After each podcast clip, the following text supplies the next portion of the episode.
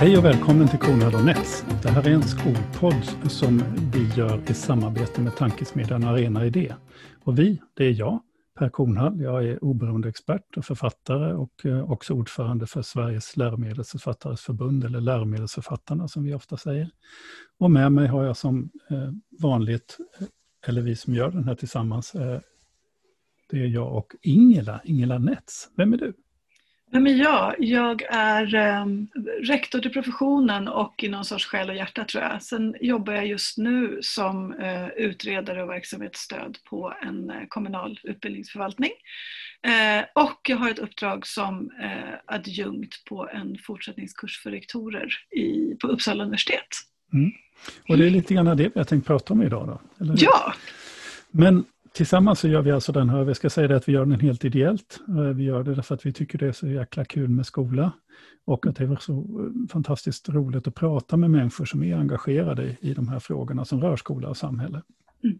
Men som sagt, idag tänkte vi göra, och oftast har vi då en eller flera gäster med oss som vi pratar med. Men idag tänkte vi faktiskt göra lite annorlunda, eller hur? Ja, för att idag vill vi prata med varandra och Precis. lite grann om varför vi håller på med det här och vad det är vi håller på med och, mm. och, och så vidare.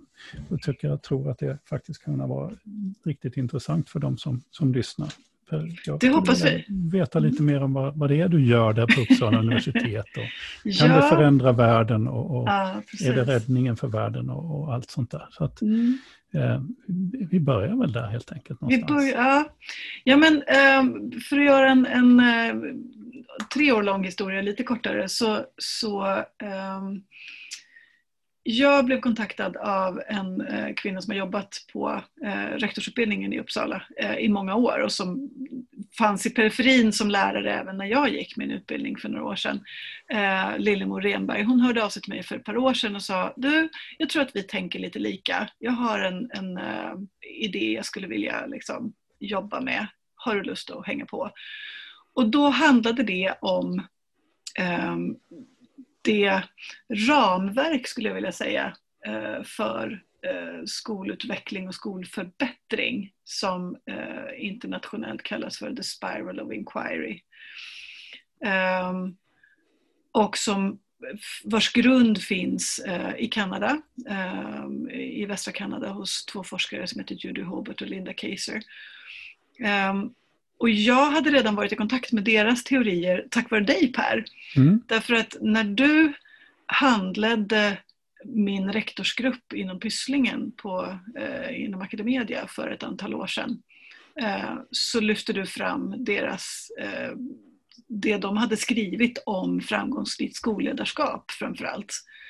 Eh, och jag köpte den boken och, och kände att den liksom mm. knöt an till något som, som jag instinktivt tror på och har, har liksom velat jobba efter och blev så glad när jag kände att jag fick, jag fick någon sorts bekräftelse också från, från teoretiskt håll och vetenskapligt håll mm. att, att det är så.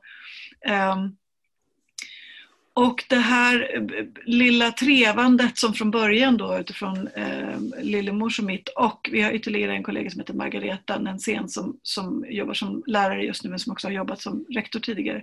Eh, handlade om helt enkelt att försöka liksom plantera idéerna kring spiralen i svensk kontext. Eh, och det har vi ägnat oss åt i ett par år, helt och hållet ideellt sådär vid sidan av andra uppdrag eh, prövat oss fram tillsammans med ett antal skolor som i olika sammanhang har kommit i kontakt med eh, det här eh, ramverket.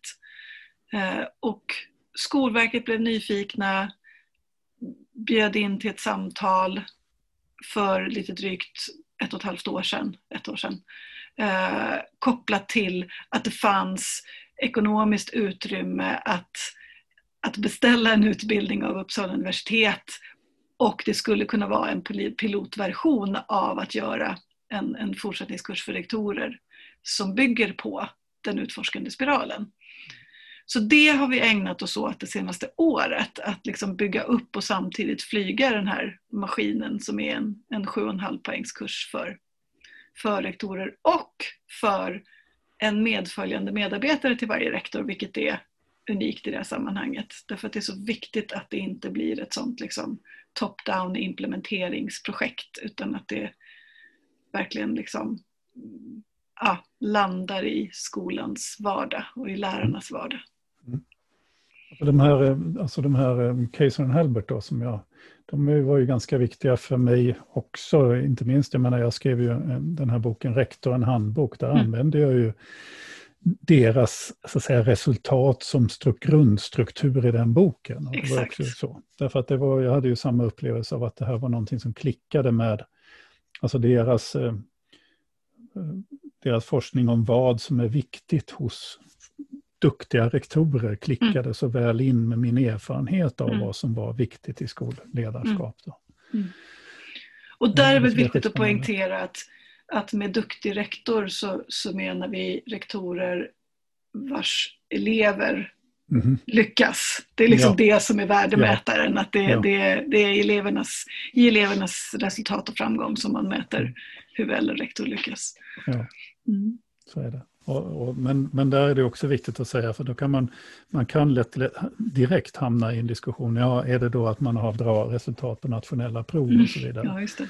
Och där är det, ju, det finns ju många dimensioner vi kan komma in på när det gäller det här Spiral of Inquiry, vilken mm. typ av frågor man ställer, mm. vad det är för resultat man faktiskt är ute efter och så. Mm. Så att det handlar inte bara om, om lätta, enkla, mätbara mål, utan det handlar också om, om, om att, så att säga, elevers mående i botten och att skapa en bra eh, skolkultur och skolmiljö generellt. och så. Mm. Ja, men hos mig så slog det också an, förutom om det som handlar om, om liksom ledarskapsperspektivet, så tycker jag också att det... För jag, sen jag började jobba som rektor, egentligen innan det, jag jobbade i Södertälje kommun under de år som Peter Fredriksson, nuvarande GD på Skolverket, var eh, utbildningsdirektör där. Och han, när han kom till Södertälje så hade han ett uppdrag att, att verkligen få, få ett systematiskt kvalitetsarbete att fungera och att, att liksom bli någonting som, som alla i, i verksamheterna var berörda av och deltog i. Eh, och i mångt och mycket så lyckades han verkligen med det. Eh, och jag, var, jag jobbade ju också på förvaltningen då, så jag var liksom nära i det här. Och det jag tyckte jag såg också hos, hos Casey Robert och i, i spiralen eh, är ju att den kopplar ihop med ett, ett systematiskt kvalitetsarbete men gör det på ett sätt som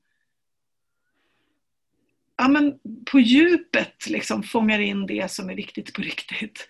Uh, inte, alltså för vi har nog en tendens att, att i ett sånt här, det som har blivit våra systematiska kvalitetsarbeten i skolorna, så, så har ju det också blivit ganska instrumentellt genom åren. Vi, ja.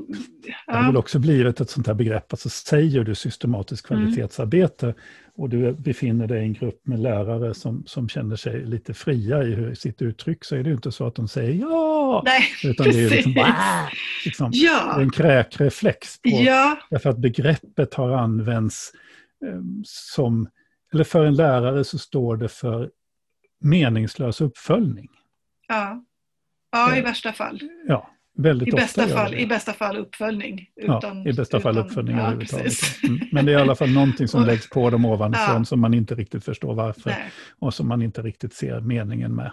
Och en ständig frustration över att man förstår att man behöver analysera de resultat man har men inte, man vet inte riktigt hur. Och man vet inte vilka resultat och i värsta fall inte heller varför. Mm. Så att, absolut, och, och det är där jag tycker att, att eh, spiralen som ramverk. Det är verkligen inte en metod utan det är ett ramverk och någon sorts eh, förändring i tankesätt eh, som också ger förändring i hur man, hur man faktiskt jobbar i sin vardag i skolan. Jag tycker att den tillför någonting där som vi verkligen, verkligen behöver. Men det tycker jag, för du ska få liksom naturligtvis alldeles strax få beskriva vad själva, mm. vad själva spiralen mm. innehåller mm. och, vad, och, vad, den här metoden innehåller. Mm. Men jag tror det är viktigt också att det för mig med det perspektiv jag kom in i det här via vara intresserad av skolutvecklingsforskning och, och de signaler som fanns om vad som fungerar och inte fungerade. Det var mm. tydligt med att lärare på olika sätt samarbetar. Det vi jag kallar för kollegialt lärande är, är liksom ett väldigt, väldigt viktigt ramverk. Mm där det finns ett antal olika begrepp och modeller och metoder. Vi har den, naturligtvis ursprunget i, i de japanska lärarnas lesson studies och så vidare. Mm. Eh, allt det här där lärare undersöker sin egen verksamhet, för det är ja. det det handlar om. Ja. Det, liksom mm. ett, det finns ett, ett liksom en stor, det är helt enkelt hur, och för mig är det här en viktig, säga, otroligt viktig fråga för lärarkåren som profession. Alltså en mm. profession utvecklar ju sina egna metoder. Mm. Alltså det vore ju jätte, jättekonstigt om någon annan än läkarna utvecklade operationsmetoder. Mm. Eh, alltså det är helt självklart att det är någonting man gör i verksamheten. Det är läkarna som utvecklar operationsmetoder. Mm. Lika naturligt ska det vara att lärare utvecklar sin, sin undervisning och sin undervisningsmetodik. Mm. Och där är ju Spiral of Inquiry liksom en del av ett sånt eh, eller en sån metod i det här stora mm. professionsbyggandet. Ja, verkligen. Men vad är det då som skiljer Spiral of Inquiry från, från allt annat som utvecklingsarbete man gör i skolan? Och, och, och, ja. det, det, finns ju naturligtvis massor så uh, och, och, många små detaljer. Men jag tycker att det som är, som är mest intressant och som, som liksom slår an en ton hos mig är att det finns en sån oerhört stark ständigt återkommande koppling till att faktiskt undersöka elevernas upplevelse av eh, sin skolvardag och sitt lärande. De är ju trots allt experter på sig själva och på det de, sin vardag liksom, som elever.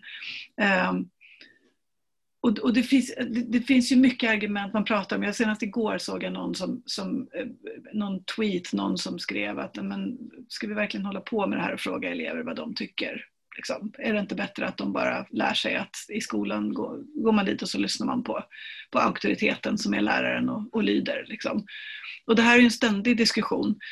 Um, men, men det som, det som är grejen med spiralen tycker jag är att det finns en systematik i både det undersökandet, för det är det det handlar om. Det handlar ju om att faktiskt undersöka att när vi väl ska bestämma oss för vad vi ska göra så måste vi ha på fötter. För gissar vi så kommer vi gå vilse. Inte varje gång, men ganska många gånger. Och vi lägger otroligt mycket tid och energi på, på att göra liksom åtgärdslistor och, och eh, här liksom nya årsplaneringar där vi har ett antal saker vi ska göra eh, utifrån att vi faktiskt har gissat varför vi har de resultat vi har. Mm. Och det tror jag är liksom en av de här viktiga grejerna med spiralen. Den, följer man det här ramverket så, så blir man tvingad som, som skolledare, som kollegium att hela tiden stanna upp och verkligen fundera på men vet vi säkert att vi agerar på rätt sak nu och inte på, på en gissning eller en, mm. en liksom förutbestämd uppfattning om hur saker och ting är. Och det, det tycker jag är viktigt. Ja. För det är väldigt ofta man hamnar i den, det som jag vet att det är i någon eh, forskningsgren kallas aktivitetsfällan. Det vill säga ja. att vi tror, för det första så tror vi någonting om tillvaron. Mm. Och sen försöker vi åtgöra det genom att göra någonting. Bara vi, bara mm. vi har bestämt oss för någonting mm. så, så, så tror vi att vi på något vis, bara för att vi har tänkt att det här ska hjälpa så hjälper ja. det. Ja, och så sätter precis. vi igång aktiviteter och så har vi tickat av den boxen. Mm. mm. Men frågan är om vi överhuvudtaget har rått på själva grundproblemet Nej. eller om vi ens har Exakt. sett det. Nej. Jag skulle vilja återvända bara kort till de här Casey och Halbert som här ledare, för den, deras ja. bok, vi kan ju säga det, att den heter ju på Leadership Mindsets. Eh, mm. Uh, uh, där de har då ett antal mindsets, och det som i översättning då är den, den första och viktigaste drivkraften. Eller ja, jag vet inte vad man översätter mindset med, men, men mm sättet, eller liksom grundläggande tankesätt mm. eller drivkrafter, det är att de har en intensiv, de här rektorerna som, som leder skolor som fungerar väl, har en intensiv moralisk drivkraft. Mm. Alltså det här, och det har vi varit inne på ganska många mm. podd, gånger i podden, just att när vi pratar med de här skolmänniskorna så är det ju inte Ja, så är det ju någonting, ska man säga, ja det är en moralisk dimension som är den stora starka drivkraften. De mm. vill att det ska gå bra för alla mm. barn på deras skolor, punkt. Mm. mm. Och de är beredda att göra väldigt, väldigt mycket för att nå fram mm. till det. Uh, och där finns det ju, det finns ju eh, svensk forskning som är ganska färsk som pekar på precis de där faktorerna också som så ja, extremt absolut. centrala för framgångsrika skolor. Um, och, och rektors förmåga att inte bara att inte bara själv drivas av det där utan att också eh, få, få liksom ett kollegium att, att känna en, en, ett gemensamt varför. Mm. Så. Mm. Um, för det blir en stark drivkraft. Mm. Och där skolan ju då, på grund av att vi har vi jobbar med det här med att ta hand om människor, så finns den drivkraften också i oss. Att vi behöver inte motiveras med måluppfyllelse Exakt. i sig, utan Nej. vi är intresserade av måluppfyllelse därför att ungdomar och barn mår bra. Mm. Alltså det är det vi är ute efter. Så att säga. Mm. Mm. Sen så är det nästa då att de, ska, att man, de hyser tillit, alltså de visar stort Mm. förtroende och skapar tillit. Alltså det är Mm. tillitsbaserad styrning Mm. helt enkelt, om vi ska översätta det till. Ja. Så. Sen kommer den där tredje, de är undersökande. Mm. Eh, De frågar innan de får råd, skriver de. Eller innan de ger Ge, råd. råd. Ja, Ja. Exakt. Just det där att, att vi, vi har inte bestämt oss för lösningen. Vi har inte bestämt oss ens för vad som är problemet. Utan när en lärare kommer och säger det så här, så är min första fråga, så är inte mitt första påstående, gör det här. Utan Nej. min första fråga är, vad har du gjort? Mm. Vad kan vi göra tillsammans för Precis. att undersöka det här? Vad tänker du att det beror Vad på? tänker du att det beror på? Hur kan Mm. vi undersöka att det verkligen är på det här viset? Mm. Vad- Åh, vad spännande det här var. Mm. Säger det? Sa han så? Det var skitintressant. Vad Mm. kan det bygga? Vad kan det bero på? Alltså hela den atmosfären så att säga. Mm. Och då genom det skapar de lärande för djup förståelse och så vidare. Och man, man, man samlar evidens och och allt. Mm. Och det i sin tur kräver ju en, den här tillitskulturen. Det går, inte, Mm. det går inte att börja ställa de frågorna som, som ledare om man inte har byggt en tillitskultur där, där medarbetare vågar blotta sig, vågar beskriva att Nej, men det här, här ser jag fast, det här tycker jag är svårt, eller här märker jag att, jag, att det blir tokigt. Liksom. Jag Men, men hur gör man det då? Alltså, Ja. Jag har inte varit rektor, jag har ingen aning. Jag bara säger Ja, de här ja, fina sakerna, vet. skriver Ja, böcker om. och Ja, precis. Jag har inte själv varit rektor, så hur Nej. gör man då? Eh, Det finns ju säkert inte bara ett recept. Men jag har ju faktiskt, eh, det, det är nog det som jag tycker att jag är stoltast över i de uppdrag som jag har haft som rektor. Att jag, att jag tycker att jag har lyckats åstadkomma den här tillitskulturen. Um, Och det är ett medvetet arbete. Det handlar om att, att, att dels ständigt vara uppmärksam på sitt eget beteende som ledare. För jag måste modella. Jag måste, om jag förväntar mig att mina medarbetare ska våga, våga um, vara ärliga med sina, sin oro eller sina brister eller sina liksom, tillkortakommanden i syfte att vi ska tillsammans hitta vägar och, och bli bättre. Då måste jag själv vara det. Jag kan inte vara liksom den ofelbara stjärnan som ständigt gör rätt och alltid är i rampljuset. Liksom.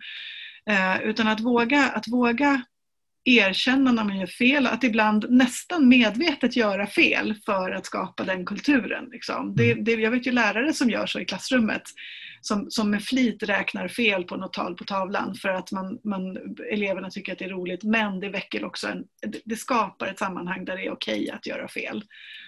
Um, så det tillsammans med ja, men det här ständiga nyfikna utforskandet som kräver att man, att man för, för stunden också tar bort eh, maktperspektiv.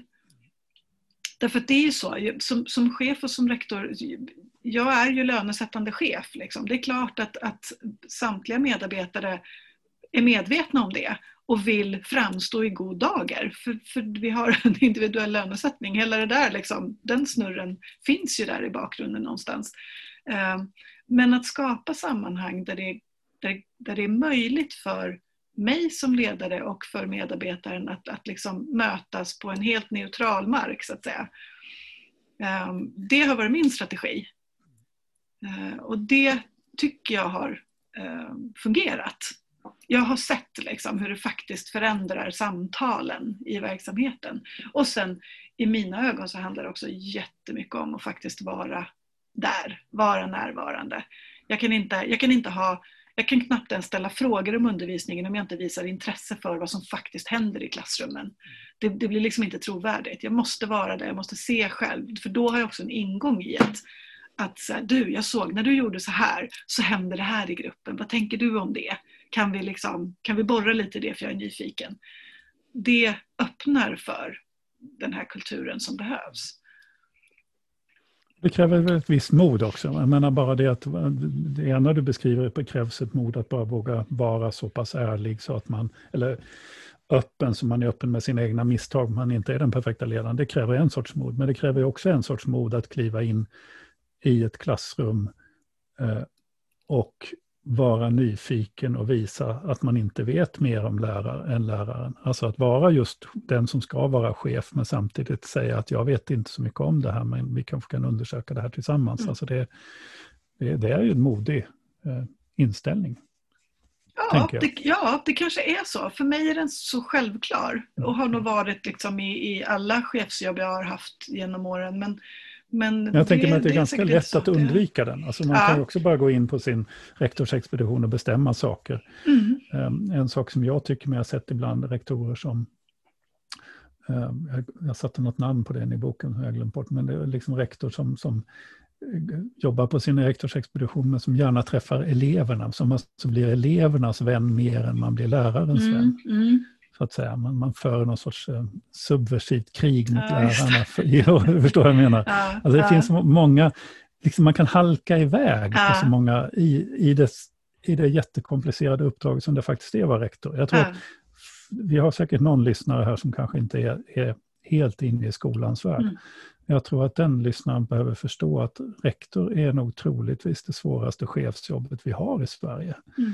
Alltså jag har svårt att tänka mig någon, för det är en rektor, att vara rektor är ju ändå att vara mellanchef, men det är svårt att tänka mig någon mellanchef någonstans i någon annan verksamhet som har så mycket olika saker att förhålla sig till. Det finns definitivt inte inte mellanchefer i svenska företag som har så många under sig som svenska rektorer för det första. Att bara Nej. formella arbetsgivaransvaret. Mm. Men ovanpå det har man ansvaret för barnen och föräldrakontakt. Mm. Och mm eh, liksom städningsansvar, alltså mm. se till att allting fungerar, plus skollagen, plus en kommunal eller, eller en friskola styrning och så vidare. Det bara lagras och sen mm. har du ovanpå alltihopa det där så ramlar Skolinspektionen ner i huvudet på dig och mm. tycker mm. någonting också. Mm. Så. Och så ska man hålla budget. Ja, och det här är klassiskt som ingår ja. i alla rektorsutbildningar. Ja. Att det, det är liksom det viktigaste med, eller som många rektorsutbildningar faktiskt har ett, ett, liksom ett fokus på, det är ju att lära rektorer hur man hanterar det omöjliga. Mm. Eh, och sorterar och gör mm. det som faktiskt är viktigt. Mm. Ja, men, och jag tror att det, det, var no, det var någonting du sa där som jag tror också är en, en sån central del i det här att bygga, bygga tillit. Och det handlar ju om att, att ständigt ha lärarnas rygg den, den tryggheten tänker jag att man som lärare måste känna i sin ledare om man ska kunna ha en sån här tillitskultur mm. i verksamheten och bygga liksom förbättringsarbete på den kulturen. Um, därför att, jag vet att jag säger, har sagt det sådär när jag rekryterar och när jag har nyanställda att jag, jag kommer att stå bakom dig. Uh, inte om det visar sig att du slår barnen eller gör saker som är mot lagen, men jag står bakom dig det skulle aldrig falla mig in som, som ledare att liksom när en förälder ringer och, och, och klagar på en lärare att, att, att inte stoppa den, mota föräldern i grind på något vis och säga att du, jag behöver prata med min medarbetare men det gör jag först och sen kan vi prata vidare. Liksom. För det, alltså, ha, att vara rektor är svårt men att vara lärare är också oerhört svårt och komplext och utsatt. Eh, det tycker jag att det är så många som vittnar om hur, hur pressen liksom, från, från vårdnadshavare och från elever när de är lite äldre och sådär är jättetuff. Och där måste man våga lita på att man har en, en chef som står bakom en. Det här är väl också en viktig sak. Om vi, jag menar, det här med chef-ledare är ju en intressant eh, spänningsfält. Mm. Men där, att vara ledare i mänskliga sammanhang innebär ju att man är den som tar en för laget. Mm. Jag tror det är viktigt Exakt. att man är den som tar smällen. Ja. Eh, och det ligger, annars så har man inte säga, moralisk rätt att vara ledare Nej. i någon mening. Nej. Eh, och det där tycker jag är intressant. För det, mm. det, man tittar på, ska vi inte spara in på det, men, men om man tittar på antropologisk litteratur, man tittar på alltså samlar, jägar-samlar mm. folk och vem som får vara ledare mm. där. Där är det ju liksom det är en kostnad. Men man tar jobbet därför att det är en ära att vara mm. ledare, men man får också ta smällarna. Alltså, och tar man inte smällarna så får man inte vara ledare. För då är ingen, man lyder bara de som är beredda att, så att säga, för ärans skull, mm. utsätta sig för, mm. för riskerna. Så att säga. Mm. Så, det, det, Nej, men jag tror också att det, det, är mycket lättare att ta smällarna när man har jobbat med sitt eget moraliska syfte. Därför att Ja, då det. ja, det handlar liksom inte om mig. Det spelar väl ingen roll om jag får ta en, en, en jättearg och hotfull vårdnadshavare i telefon. Jag vet varför jag gör det här jobbet. Det, liksom, det, jag har ett, ett högre syfte Mm. som gör att man också kan, kan förhålla sig till att behöva ta de här smällarna för laget, tror jag. Bättre. Och nu ska du få berätta om Spider from Choir. Jag vill bara, vi måste skjuta in bara, vi har en gemensam bekant ju som, som driver en skola. Eh, eh, och när hon berättade sist jag träffade henne eh, så, så berättade hon ju om hur hon hade just hade, hur hon tog en smäll. Det var ju två föräldrar som, hon, som kom och klagade på en lärare. Mm. Och hon fick höra det, så hon gick ner till det här klassrummet och Mm. hämtade de här föräldrarna. Mm. Och du vet ju vem jag menar, hon är Mm. ganska liten i fysiskt sett. Mm. Eh, Och så sätter hon sig ner med dem på rektorsexpeditionen och, och har ett allvarligt samtal i 45 minuter som slutar med att de här två högt utbildade eh, föräldrarna går tillbaka till det här klassrummet och begär läraren om Mm. ursäkt. Mm. Så. Mm. Eh, Det, är- det är för mig ett fantastiskt ledarskap faktiskt. Mm. Ja. Oerhört modigt och jätteviktigt. Ja. Jag har en, en, en, eh, en annan eh, rektorsbekant som, som eh, i ett, ett mindre samhälle där det var lite turbulent kring skolan och, och hon fick veta via lärare som bodde i porten också att det skrev saker i en lokal Facebookgrupp sådär väldigt kritiskt mot verksamheten och sådär. Så hon, eh, det var ett inplanerat föräldramöte för jag tror att det var hela skolan, det var en så stor skola. Eh, och hon höll den information hon skulle och sen så sa hon att det var allt för idag, tack nu kan ni gå utom ni som har skrivit kritiskt om skolan på Facebook. Jag vill att ni stannar. Och sen så talade hon om att eh, det här är inte okej. Så, vi- Man gör inte så här, ni är vuxna. Vi kräver liksom en annan nivå på ehm, och det, man, man, jag tror man behöver de här berättelserna om de här rektorerna för att, att bli lite, få det råg i ryggen. Liksom. Mm. För det är klart att, att i de där situationerna så, så, så har man lite puls när man behöver göra såna här grejer. Ja. Men, men man vinner ju otroligt mycket i att man får ett, ett, eh, ja, men en, en, eh, en organisation som står pall. Liksom. Mm. Jag har lärare där nere som är, känner sig trygga och vågar. Ja, Och då också vågar, om vi nu ska komma in på det här med att utveckla sin undervisning. För att utveckla Exakt. sin undervisning Ja. måste man ju känna sig trygg. Man måste ju våga prova Ja. nya saker. Om man, Precis. om man tror att man ska få smäll på fingrarna för att man gör någonting fel. Då, Mm. då gör man bara det man, man redan Mm. kan. Mm. Mm. Ja, ska vi gå in på Ja, det? Vad är nu Ska vi berätta? Ja. Um, jag menar, och hur ska man förklara det här kort så när man kan lära sig delar av det under ett år på en 7,5 poängs universitetsutbildning? Det, är liksom, det här är ju inget, inget snabbt och enkelt men det det handlar om är ehm, jag tänker att om det nu är någon som tittar på oss på, på Youtube så kan man åtminstone få se så här att det är en en, eh, de flesta tror jag som jobbar i skolan har sett Helen Timperleys eh, spiral eller vad man säga, cirkel för ett systematiskt kvalitetsarbete. Eh, Den utforskande spiralen har på motsvarande sätt också en, en, en cirkel som är liksom oändlig i form av en spiralform. Eh, Det är ett, ett stöd och ett ramverk för att scanna av vad är statusen för våra elever. Eh, att fokusera i, när man har gjort den här skanningen, att fokusera på vad är det som, som, som är, alltså vad skulle ha störst påverkan om vi valde att gå in och förändra någonting. Um, nästa steg är det som vi var inne på lite grann som jag tror är Kan så du, om vi, extremt... stannar, ja, förlåt, förlåt. Mm. gå, gå igenom fort först. Ja, sen, ja, precis. sen skulle jag vilja ha lite exempel på vad det Ja, här... absolut. Ja. Eh, nej, men nästa steg sen är att, att vi kallar det på svenska för undersöka föraningar. Den engelska originalordet eh, är eh, hunch. Att liksom, man har en hunch om någonting. Ehm, och det handlar helt enkelt om att man vänder, att man speglar sig själv som kollegium eller som arbetsgrupp eller skola och funderar på vad är det vi själva gör i vår praktik som ibland kanske är oreflekterad som, som gör att den här situationen uppstår eller att vi får det här problemet. Så. I det steget hamnar man nästan alltid i så här, nej men vi måste undersöka mer, vi måste ställa fler frågor och det kan vi återkomma till. Mm.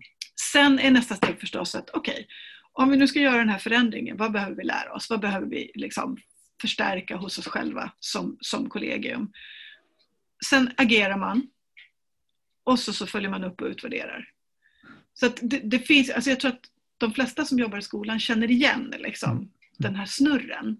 Men det som också är jättecentralt i eh, just den utforskande spiralen är att man dels ställer frågor, det finns ett antal liksom, definierade frågor som man återkommer till.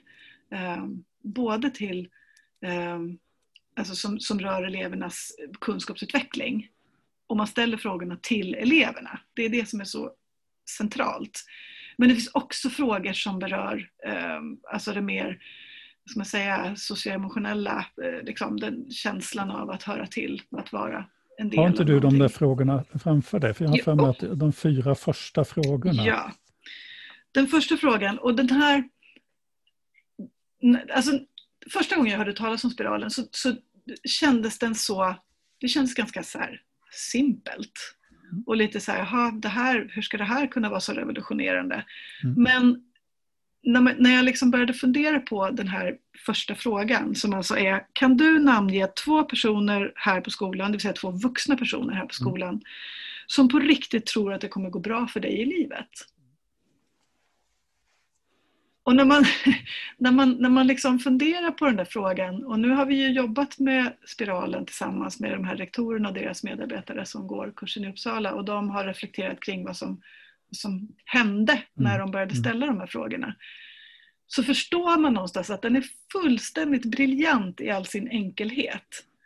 Därför Vad var att, det som hände då? Jag har ju också hört ja, de här historierna. Ja, men alltså ett exempel, en rektor som, som alltså tanken, den, den, djupa tanken med spiralen är ju att det här är ju det som, som säg en, en, ett, ett lärarlag. Liksom. Att man, man jobbar med sin elevgrupp och ställer de här frågorna till eleverna. Eh, men, men under kursen nu så, så har några av rektorerna valt för att vi ska, det ska, de ska få känna på mera. Liksom. Ehm, att vara den själv som, som ställer frågor till eleverna. En rektor eh, fångade in fem, sex högstadieelever eh, i korridoren så sa hej får jag bara ställa några frågor till er? Um, för sen finns det fler frågor som handlar mer om så här, vad är det ni lär er just nu och varför är det mm. viktigt och så vidare. Men absolut, de tyckte det var kul så hon fick ställa de här frågorna. Um, och, just den här första frågan så kunde fem av sex elever utan att blinka namnge lärare på skolan. Och mm. det kunde variera. Det kunde vara en mentor, det kunde vara slöjdläraren eller rektor eller skolsköterskan eller vem som sådär. Men de kunde utan problem namnge ett par personer vardera. Ehm, den sjätte eleven kunde det inte, tvekade ganska länge, och hade lite svårt att sätta ord på.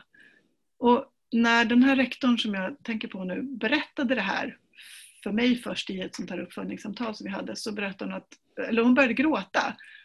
För hon sa också att den, den eleven som inte kunde namnge, det var den enda av de här högstadieeleverna som jag inte var helt säker på vad den hette. Mm. Och det satte verkligen liksom...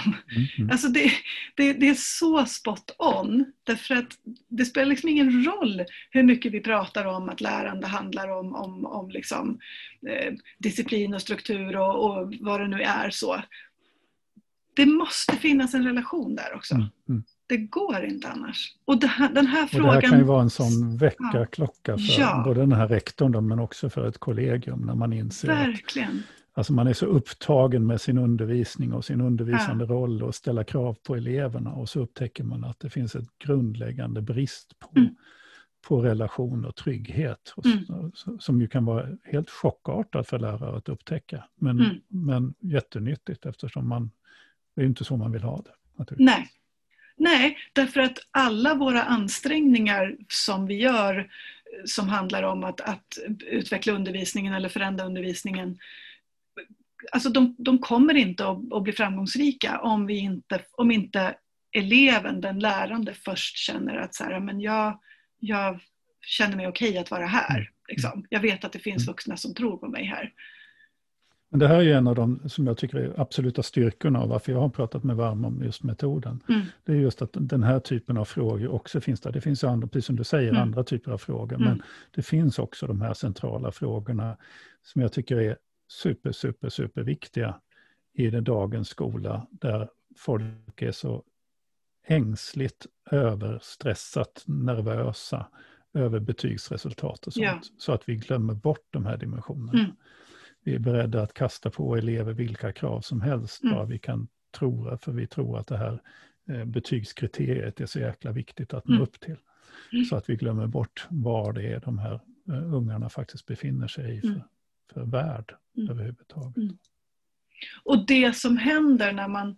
För, för det som är viktigt, det är ju, alltså det går inte bara att gå ut och, och, börja intervjua elever om man inte också är beredd att ta hand om de svaren man får.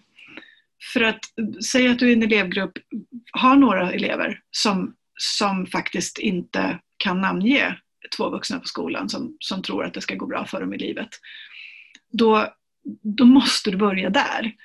Och då måste man som arbetslag eller kollegium vara beredda att liksom göra det jobbet. Mm. mm. Och det finns ju sådana enkla, jag tror att det heter 2 by 10 en sån här liksom enkel metod som bland annat eh, Torbjörn Kättström som är rektor eh, på en gymnasieskola i Uppsala som har jobbat med spiralen nu i några års tid. Eh, de har prövat det, där man under liksom, tio dagar ser till man delar upp sig i arbetslaget helt enkelt och kommer överens om att, att vi ska, tillsammans så ska vi se till att de här eleverna som inte kunde svara, namnge personer, ska bli mötta av vuxna som säger Hej, hur är läget? Hur var det i helgen? Jag hörde att du spelar fotboll. Vad kul, hur går det? Alltså ställer nyfikna, intresserade frågor om människan mm. bakom eleven så att säga. Och, och det här har ju, i Kanada så har ju den här det här ramverket, spiralen, eh, funnits och använts i väldigt, väldigt många sammanhang under många år nu. Det finns liksom oändliga mängder berättelser om vilka förändringar som faktiskt sker. Och det steget måste man liksom ta först innan man kan börja titta på hur är det nu med vår undervisning? Hur möter Men ändå, den? ändå också viktigt just det där som du påpekar, alltså man tycker kanske då som du tyckte själv då från början, men det här var väl inget konstigt. Nej. Men det är viktigt att det, den här icke-konstiga frågan ingår i någon sorts systematik. Exakt. Alltså så att man gör Exakt. det på ett eh, systematiskt sätt, att man mm. faktiskt gör det. Man mm. kanske inte gör det om inte den frågan finns nedskriven. Sen, sen när man har gjort det många gånger så kan man utveckla det och så vidare. Men för att mm. komma ur den bubbla man är i mm. kan man behöva någon typ av systematik för att förflytta sig. Mm. Och det där det tycker jag har varit så otroligt spännande också i, i kursen nu, för vi har ganska många förskolerektorer med. Mm. Och det var ju direkt när vi började presentera det här så dök ju frågan upp, så här, hur ska vi kunna ställa den här frågan till barn som inte, som är kanske två år, som liksom inte har ett, ett utvecklat språk än. Um, och vi hade inga svar på det som kursledare därför att det, det har inte prövats. Så vi prövar det tillsammans nu och det är jättespännande att följa hur de här förskolorna hittar olika sätt att mm. jobba med med eh, pedagogerna som ställer sig frågan hur kan jag se, hur kan vi som välutbildade, skickliga pedagoger se att våra barn visar oss tillit, att de känner att vi tror på dem. Och, och vilka, liksom, vilka bevis har vi för det? Så, och det, det kommer fantastiska berättelser. Mm. För sen, sen tycker jag jag har inte alls jobbat så mycket med det här, men jag har ju stött på utvecklingsfrågor i olika sammanhang. Mm. Och just den här att när man ställer en fråga så får man ett svar och så får man se att det man trodde om sina elever är någonting helt annat. Mm. Mm. Det är ju där någonstans utvecklingskraften finns och det är ju därför det är så viktigt Verkligen. att man har samlar in, att man får svar, att man har evidens. Mm. Eller hur? För annars om vi inte samlar mm. in information om hur det faktiskt är, då tror vi ju att ja. det är på ett visst sätt. Ja. Och så fortsätter vi agera i den mm. verklighetsbilden. Exakt. Exakt. Jag tror väl alla vi har varit alla vi som har undervisat den dagen, jag minns det väldigt tydligt efter några år eh, som lärare, när jag helt plötsligt insåg vilket jävla elände några av mina elever levde i. Mm. Alltså att de, inte, de blev inte bara de här personerna i mitt klassrum som jag inbillar mig levde eh, lyckliga hemmaliv, utan helt plötsligt mm. så fick jag på grund av olika omständigheter insyn i hur några av de här eleverna, hur deras vardag såg ut. Mm. Och insåg att de så, satt där och såg trevliga och, och vanliga mm. ut, men de hade mm. ett helvete. Mm. Och då kan man naturligtvis argumentera för att men det kan väl ändå inte vara skolans roll att liksom ta ansvar för hur eleverna mår eh, vid sidan av skolan och, och, eller överhuvudtaget hur de mår. Men, men om skolan på riktigt har ett starkt moraliskt driv i att alla elever ska få lyckas i sitt lärande, då måste vi ta det här på allvar. Alltså vi måste liksom ja, men det förändrar det, ju min, det förändrar ju min attityd. Alltså, mm. Det förändrar mm. ju min förståelse för mm. den, där, den där ungen är inte obstinat, är inte besvärlig. Utan den är, den är skittrött. Mm. Exakt. Det, och det förändrar, det förändrar ju ja. min vem jag är i förhållande till den eleven, ja. vilket förtroende eller vilken signal jag skickar till den eleven. Mm. Sen kan inte jag göra någonting åt dess hemförhållande, men jag kan däremot vara en, en, en medkännande, lärande och mm. hjälpande mm. vuxen. Mm. Mm.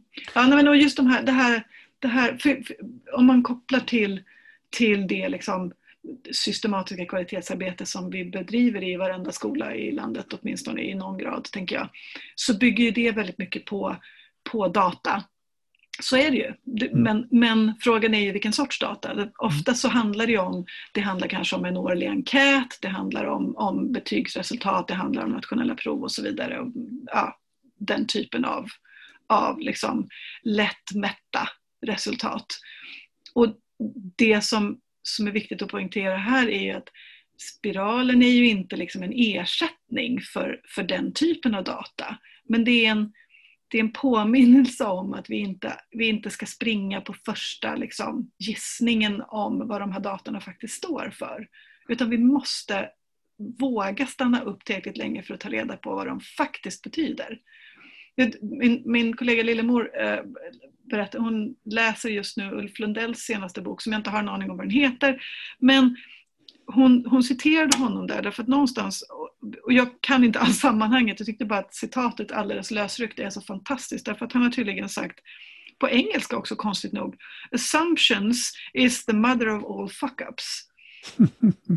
Och det, är, det är precis så. Därför att det är så det är så himla lätt att vi i vår liksom duktighetskultur och den här som du säger liksom, agera-kulturen, nu ska vi liksom göra åtgärder, mm. vi ska åtgärda det här med att göra saker. Kastar oss in i, i åtgärder eller ageranden som egentligen inte möter det behov som finns där. Mm. Jag har ju ett favoritexempel på det från, från en gymnasieskola i Västerås. Där mm där, eh, som jag tycker visar det, det hela. De, de hade problem med, med närvaro och med, med slut, med liksom resultat, med betygsresultat i en, på ett program. Och alla lärarna visste vad det här berodde på. Det, mm. beror, alltså det var frånvaron som var, gjorde att betygsresultaten var så låga. Mm. Så de hade den förklaringsmodellen.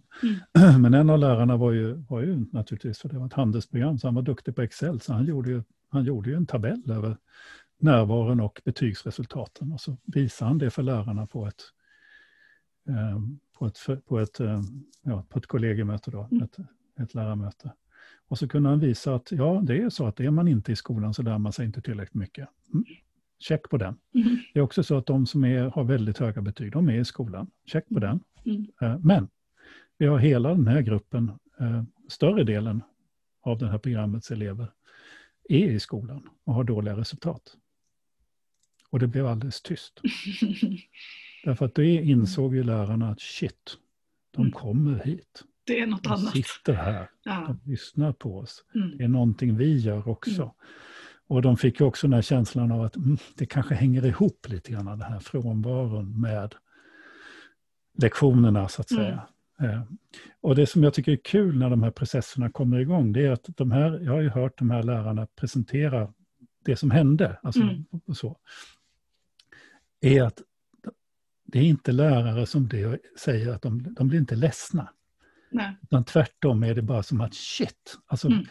den som, som vid ett tillfälle presenterade här var ju en av de som hade sämst resultat. Mm. För att hon blev så berörd och så, mm. så liksom glad över att få syn på, Mm. på det här, att Mm. få sitt hjärna omskakat. Mm. Så att hon presenterade och berättade om den här upplevelsen. Så.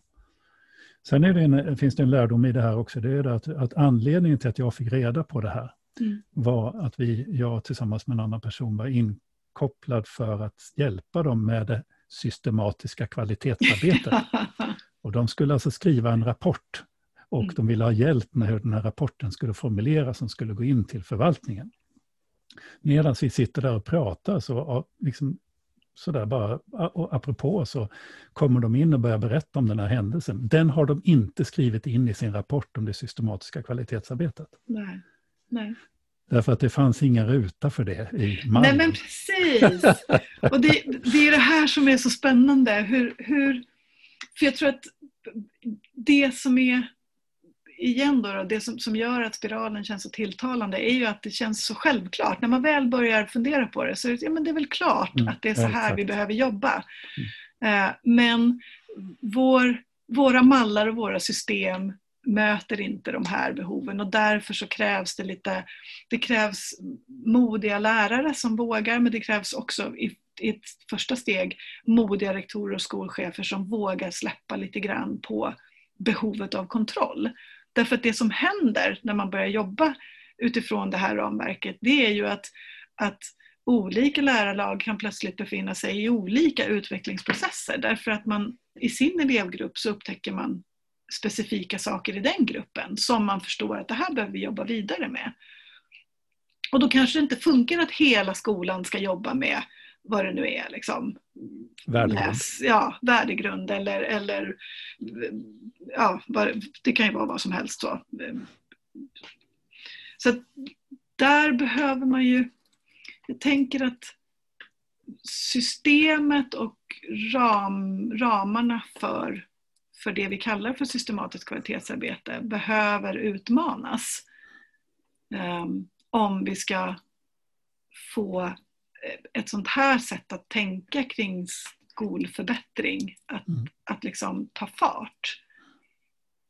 Men- och då men- behöver man ju då behöver man liksom peka på bevis, alltså visa upp framgångsexempel för att visa att fast det är så här vi måste göra. Men, men, men Ingela, när ska man göra det här då? Ja, ja det var ju just det. Ja, men det, är- det är ju precis det. Alltså, jag tror att när jag, när jag första gången hörde talas om spiralen för ett par år sedan så blev jag ju eldologer och gick hem och berättade för min ledningsgrupp och så hade vi en liten presentation på någon, någon personalkonferens där i februari, liksom, mars, en vårtermin. Eh, när hela det årets eh, hela liksom arbete med alla konferenser och allting egentligen var satt. Um, och det, ja, det, det mottogs med viss nyfikenhet men också en del sådär, jaha, vad är det här nu då? Vi fattar inte. Eh, och jag kan ju verkligen se i efterhand att nej, det, jag började ju liksom i helt fel ände och alldeles för, för, hade alldeles för bråttom. Um, jag tror att man behöver, man behöver börja pröva, det säger ju Kaiser Hobert. som ändå är någon sorts eh, liksom, ehm, ja, det är, ju- de är ju spiralens mödrar. de, de säger, våga pröva, kasta er ut, börja ställa frågor, börja i något litet arbetslag. Eh, men sen måste man som rektor vara extremt följsam och våga säga till sina medarbetare att bra, kör. Låt se vart det här tar er. Och så behöver man tala om för sin skolchef att du kommer antagligen inte få samma typ av rapporter som du har fått var fjärde månad eller var tredje månad från mig där jag liksom har analyserat eh, betygsresultaten eller vår pluppning av hur det går liksom i rött och grönt eller vad det nu kan vara. För att nu jobbar vi på ett annat sätt. Du kommer att få resultat, du kommer att få analyser, de kommer att vara fantastiska men det Men- kommer att drö- dröja en stund. Men hur kommer det se ut i kommunens stratssystem? Nej men jag vet, jag vet. Det är ju det där som är Och, och när ska man göra det så? Ja. jag tror att, att jag tror att till viss del så ger det sig. Um, igen, om vi vågar tänka att vi inte planerar liksom ett helt läsårs utvecklingsarbete i maj inför kommande läsår. För vi har ju faktiskt inte en aning om var våra elever befinner sig i oktober. Um, och börjar vi ställa frågorna då så kommer vi kanske få svar som kräver att vi gör något annat än det vi hade planerat. Och då måste man våga, eh, man måste, måste skapa liksom utrymmet men inte fylla det från början. Mm.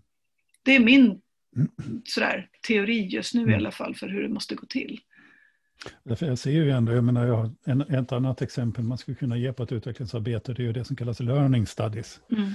Och där har vi ju till exempel Hammarby sjöstadsskola som ju har jobbat i många, många år nu med det. Mm.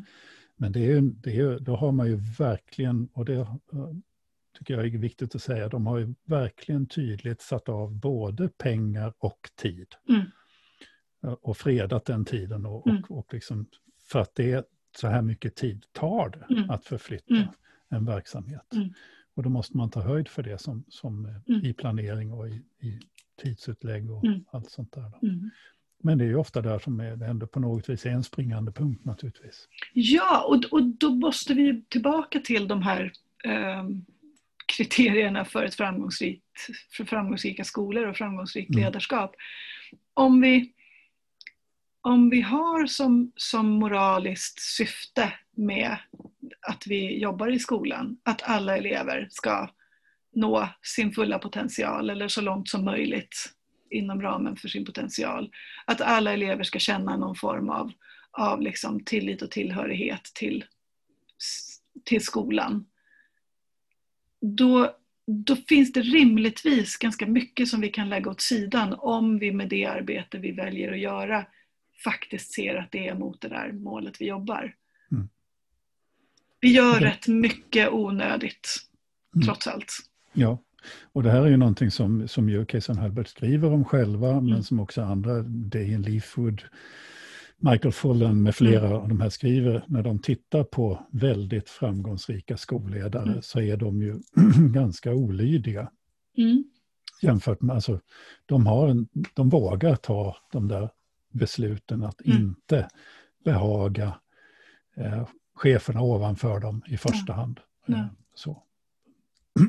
Jag vet ju till exempel, jag menar, jag har ju följt Malmaskolan i Köping till exempel genom åren. Då. Mm. Jag vet att det har inte varit, alltså, nu är de ett exempel, till och med ett internationellt exempel på ett bra elevhälsoarbete. Mm. Men resan dit var inte alltid lätt när, när de två rektorerna där bestämde sig för att göra den resan och inte ville göra som alla andra i kommunen hade Nej. bestämt att man skulle göra. Det var inte alltid roligt för dem. Nej. Men de, de, var så övertygade om att de skulle få lyckas med varenda elev. Så det var mm. liksom, de skulle mm. följa, mm. skollagen skulle uppfyllas på deras skola. Och så tog de lite smällar på den vägen. Och det är ju, det är den här moraliska drivkraften som gjorde att de kunde sortera i sitt uppdrag. Verkligen. Och det är inte någon, någon carte blanche för att inte göra det man ska, utan det är bara det att man gör det som är viktigt och man mm. faktiskt högaktningsfullt mm. skiter i andra saker. Jag menar, jag har hört jätteduktiga framgångsrika rektorer säga att ja, är det viktigt så hör de ju av sig igen. Jag, jag, liksom, jag har inte tid med det. Nej. Nej, men det blir också... Lite så jävla anamma, ja. men, ja. Med, men med rätt hjärta och, och av rätt eh, avsikter och, och, så vidare. Ja, därför att även hela den här överbyggnaden som, som svensk skola har, har ju, borde inte ha, något annat syfte än det som vi också har, vi mm. som står närmast eleverna där i klassrummet. Det vill säga att alla elever ska lyckas. Det, det är liksom, allt annat är ju någon sorts um, ja, men, liksom konstruerade eh, strukturer för att upprätthålla eh, nivåer och hierarkier och allt vad det nu är. Så. Och, och där tycker jag att Kanada igen är ett, föregångs, ett föredöme i att man i, i stora skoldistrikt Alltså, pratar vi om, om, British Columbia så är det i princip lika stort som hela Sverige. Liksom. Det är väldigt mycket folk och skolor. Eh, där man på på alla nivåer upp till motsvarande liksom, departementsnivå har tagit en, en vision, en gemensam vision som handlar om att alla elever ska lämna skolan med, med, med värdighet eh, och mm. framtidstro. Um, jag kan berätta att jag har mm. precis just lagt sista handen vid en rapport till, till eh, ja, i ett EU-sammanhang mm. om just Sverige, svensk skolas arbete med elevers mående, välmående, alltså well-being och resilience. Eh, och börjar man titta, vi, vi har en självbild av att vår skola bryr sig om helheten på elever och så vidare. Men börjar vi titta i hur våra styrdokument har utvecklats sedan 1990-talets början, så har de sakerna försvunnit. Mm. Alltså vi har ersatt den, om vi tittar på Lgr 80 till exempel, skriver väldigt mycket om elevens helhets, alltså hela mående, elevens mående är framskriven i Lgr 80. Men det försvinner sen i Lgr 94. För mm. i förhåll, istället så blir det då målstyrningen och kunskapsresultaten som betonas. Och det har ju inte blivit mindre av det efter PISA-chocken och nej, så. Nej, precis. Eh, sen har vi ett arbete med elevhälsa eh, och så, men, men samtidigt när man hade fört in elevhälsan i skollagen så, så nämnde man det inte i Lgr 11. Eh, alltså det finns en... Just det du pratar om här, den här visionen för, för eleven på det sättet och mm. så. Är faktiskt någonting som jag, som jag själv blir förvånad med. Men det är klart det måste finnas där. Mm. Jag letar mm. efter det men jag mm. hittar det inte Nej. i den här rapporten. Nej. Och det ska man ju säga att, att en, en av, av faktorerna som gjorde att, att man ville ut alltså man, att den här spiralen liksom utvecklades i Kanada, det handlade ju också om att man såg att, att eh, de elever som kom från ursprungsbefolkningen, det vill säga de, mm. de eh, indianstammar som, som finns i Kanada, eh, hade generellt så oerhört dåliga skolresultat och liksom många som inte fullföljde sina studier och sådär. Um, och, och, det var där det började. Man ville försöka förstå varför och också hitta sätt att, att förbättra de elevernas resultat. Så det är en, en, säga, en, ett fundament i, i The Sparrow Inquiry handlar ju också om att faktiskt lyssna på, på de ursprungsfolkens visdom.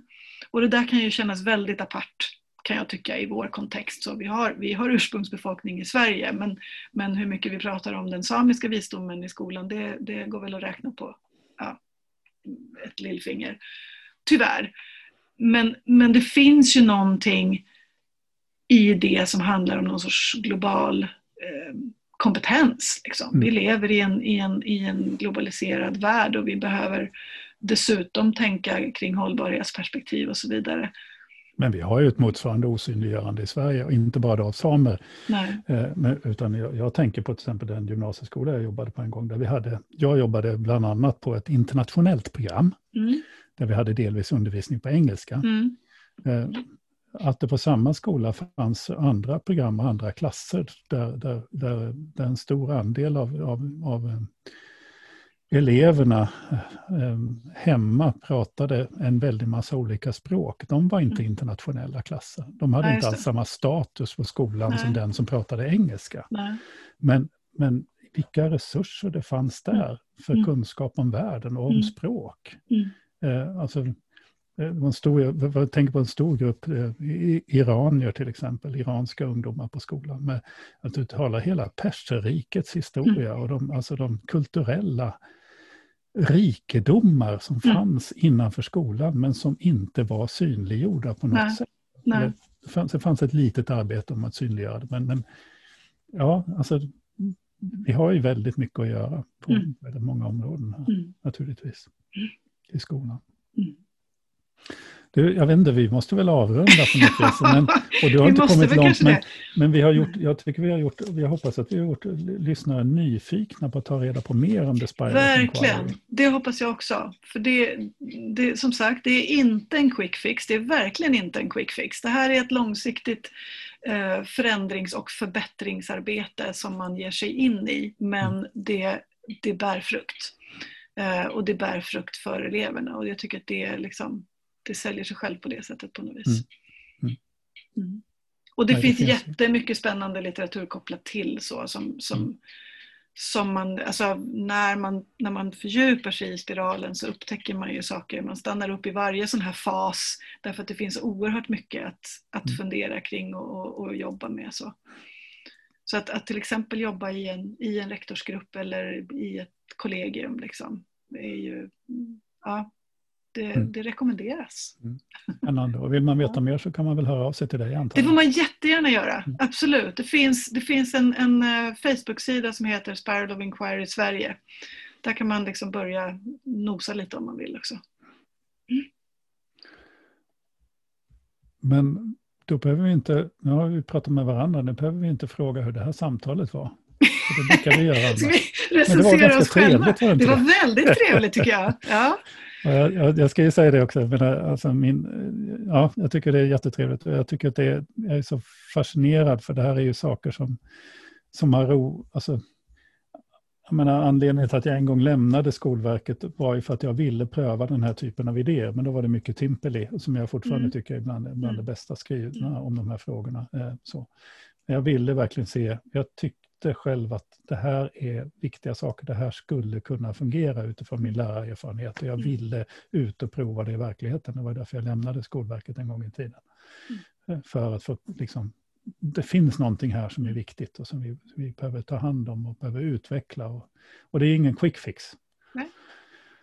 Precis som det är det viktigaste här, det finns inga quick fix, men det finns jävligt bra metoder som mm. kan göra nytta för oss, som vi kan ha nytta av. Erfarenheter och kunskaper eh, som är systematiskt insamlade av forskare i andra länder som vi faktiskt kan ha nytta av. Och som vi bygger erfarenhet om i, i mm. Sverige nu. Då. Och vi, vi, får också beforskat. Vi har faktiskt ja. följeforskare över den kursen som vi, vi genomför nu. Så att vi, vi har börjat liksom en, en, ja, men en datainsamling också på den nivån som, som eh, jag hoppas att vi kommer att ha mycket glädje av. Mm. Spännande. Mm, verkligen. Du har precis lyssnat på ett avsnitt av Kornhall och Nets, en skolpodd som vi gör i samarbete med Tankesmedjan Arena Idé. Och vi som gör den heter Ingela Nets och Per Kornhall. Och i varje avsnitt så intervjuar vi en eller flera, eller som i det här fallet så pratade vi bara med oss själva. Men vi är intresserade av människor, vi intervjuar människor eller pratar, samtalar med människor som vi tycker är intressanta och som vi vill samtala med om, om den här, ska man säga, centrala institutionen i samhället som är den svenska skolan. Men om du har någon gäst som du tycker att vi ska prata med eller om det finns frågor du tycker att vi ska ta upp så hör av dig till oss. Du hittar våra kontaktuppgifter där du hittade podden. Och vill du inte bara lyssna till oss utan också se på oss så finns vi faktiskt också som en videopodd på Arenas Idés, Arena Idés hemsida och på Facebook-sida och du kan hitta oss där. Och med det så säger vi tack för den här gången och vi ses snart igen. Hej då!